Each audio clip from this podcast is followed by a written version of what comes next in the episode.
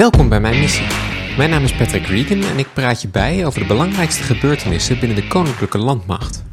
Met vandaag vorkheftrucks op waterstof, landmacht schaft anti-dronesystemen aan en militairen trainen in loopgraven. Maar eerst... De Nederlandse bijdrage aan de battlegroup in Roemenië is ten einde. Een jaar lang waren Nederlandse militairen gestationeerd in het land. Aanleiding was de oorlog in Oekraïne en de Russische dreiging die daarmee gepaard gaat. Onze militairen zijn afgelost door de Belgen.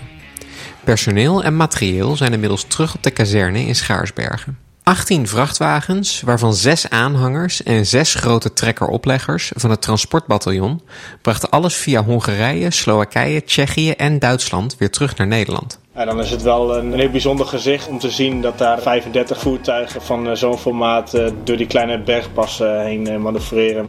Dat je niet vaak ziet dat je in Europa zulke redeployments aan het draaien bent. De missiegebieden in de afgelopen jaren lagen natuurlijk over het algemeen erg ver weg. Waardoor je zag dat die redeployments ook vaak door de lucht zijn gedaan. Ehm, en als je kijkt naar hoeveel materiaal daar stond, dan is het wel vrij uniek dat je met zoveel auto's over de weg die kant op verplaatst. En het eigenlijk gewoon in een wegverplaatsing kunt ophalen. En met een treinverplaatsing deels weer terug kunt verplaatsen. En uh, waardoor je dus eigenlijk geen, uh, geen luchtsteun nodig hebt. En het dus uh, eigenlijk voor mij als één eenheid gewoon kunt, kunt organiseren. Dus ja, dat is wel uniek. Ja, ik kan natuurlijk niet voor het hele BNT praten, maar als ik het over, voor ons over transport. Ja, kijk, ik vind het mooi om te zien hoeveel verschillende dingen wij mogen doen. Het is nooit hetzelfde. En we zoeken altijd een manier om het te laten lukken. En ehm, vooral bij dit soort inzetten waarbij je echt helemaal op jezelf bent aangewezen, dan zie je eigenlijk ook pas wat mensen kunnen. ik denk dat wij wel vrij complete soldaten, corporaals, sergeanten, dat wij dat echt allemaal in ons hebben. En we kunnen echt heel veel. Dus nou, als je de breedte van ons vakgebied bekijkt, maar ook de breedte van hoe opgeleid mensen zijn, dan denk ik dat dat echt iets moois is aan ons werk. Ja. Kijk hoe onze kolonne er nu uitzag. Ik had, ik had drie pakketten. Of ja, vier, dus met de Tropco's erbij vier. Dus drie pakketten met Scania WLS'en. één pakket met uh, Tropco's. En helemaal achteraan rijdt dan altijd nog een pakket veegploeg. En die veegploeg bestaat dan uit de AMV'er. Dus als mensen gewond raken. En uit de uh, ODB-groep, dus onderhoud, diagnostiek, berging. En die rijden in een bergingsvoertuig. Dus als er onderweg een voertuig afbreekt, zet hij zichzelf langs de weg neer. Of op een veilige plek. En dan maken ze melding naar, naar de Chamure. En die gaat er dan af en die zorgt er dan voor dat hij met zijn expertise zo goed en kwaad als kan uh, daar wat mee doet. Defensie gaat 12 vorkheftrucks op waterstof huren. Doel is om zo snel mogelijk af te komen van voertuigen op diesel. En dat betekent zoeken naar alternatieven. Met de proef onderzoekt Defensie of waterstof een toegevoegde waarde heeft binnen de dagelijkse bedrijfsvoering. Defensie wil niet alleen ervaring opdoen met waterstof, maar ook met vulstations, veiligheidsrichtlijnen en vergunningen. De ambitie is om in 2030 per brandstofsoort voor 30% gebruik te maken van duurzame brandstof. De legerplaats in Stroel is de kazerne die sinds vorig jaar het meeste gas heeft bespaard. Maar liefst 43% Dit ten opzichte van het vijfjaars gemiddelde tussen 2016 en 2021. De oorlog in Oekraïne en de beperkte voorraad die daarmee gepaard gaat leiden tot deze rijksbrede gasbesparing. De belangrijkste actie was om de thermostaat op maximaal 19 graden te zetten. Dit zou op korte termijn 15% minder gas kosten. In Stroel is dat dus ruimschoots gelukt. Er zijn geen klachten binnengekomen. Veel militairen beweren sowieso dat kou een emotie is.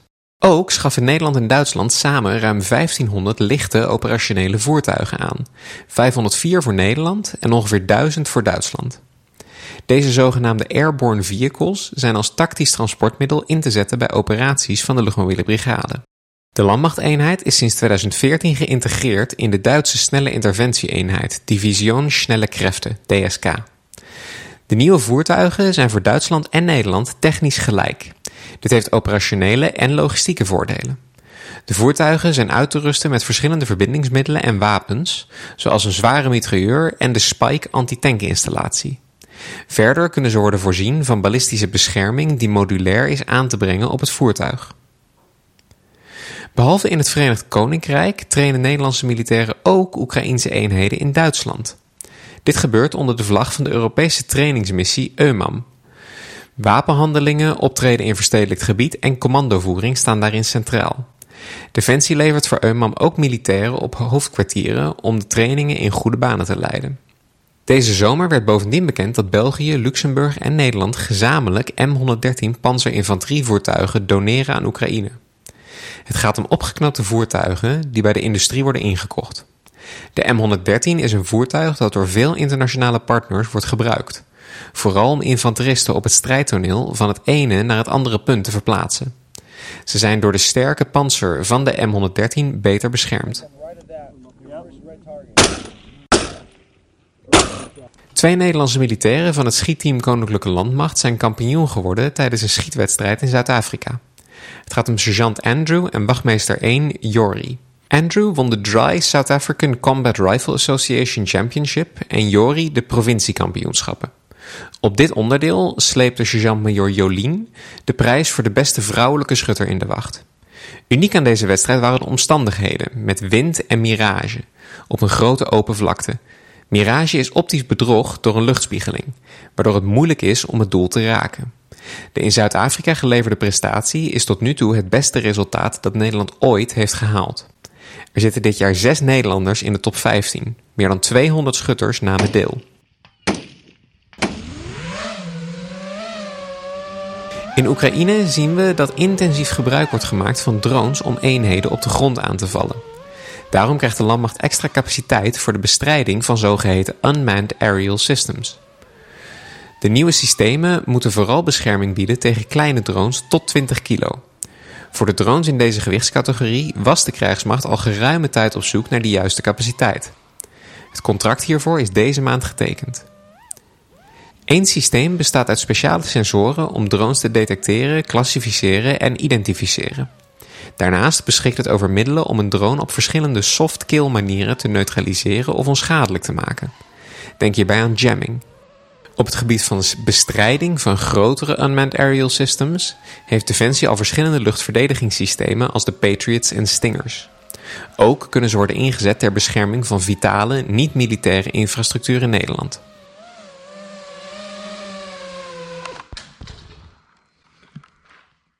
Twee jaar geleden dacht iedereen nog dat moderne conflicten enkel nog zouden draaien om informatie en cyber. Die technologische ontwikkeling heeft zeker ook een impuls gekregen. Maar er zijn andere ontwikkelingen. In Oorschot krijgen Nederlandse militairen training in het vechten in loopgraven. En dat is niet zomaar. Later dit jaar vertrekken de militairen naar Engeland om daar zelf Oekraïense militairen te trainen in loopgravenoorlog.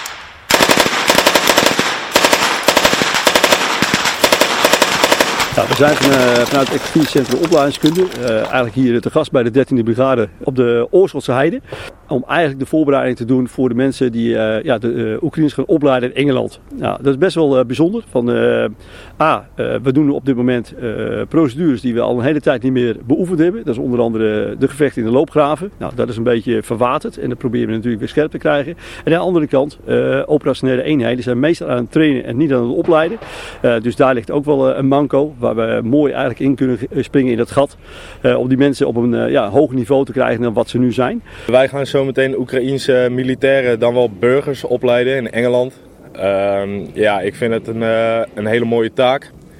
Vooral ook heel eervol, omdat je de jongens daar ook gewoon een goede basis kan geven. Zodat ze daar ook gewoon ja, beter op kunnen, kunnen anticiperen in het gevecht tegen de Russen. Nou, over het algemeen uh, zijn de cursisten super gemotiveerd. Het zijn uh, grotendeels corporals ja, die toch maar even weer moeten gaan doen. Uh, heel weinig sergeanten en officieren zitten in de klas. Ze hebben over het algemeen wel een klein beetje ervaring in de praktijk als praktijkopleider. Maar niet echt het lesgeven aan bijvoorbeeld ja, Oekraïners in een vreemde taal. Dus wat dat betreft vol lof ja, over de mensen die toch maar even moeten gaan doen. nou ja, het is vooral belangrijk dat je hun niet met hele moeilijke ja, hele moeilijke militaire jargon eigenlijk gaat belasten. Want sommige mensen zijn ook burgers, dus dat zouden ze niet echt gaan begrijpen. En ook eigenlijk om het te proberen zo simpel mogelijk te houden. Zodat het ook uh, beter behapbaar is voor de Oekraïnse militairen. Bedankt voor het luisteren naar mijn missie. Je volgt de Landmacht op Twitter, Facebook, YouTube en Instagram. En natuurlijk door je te abonneren op deze podcast.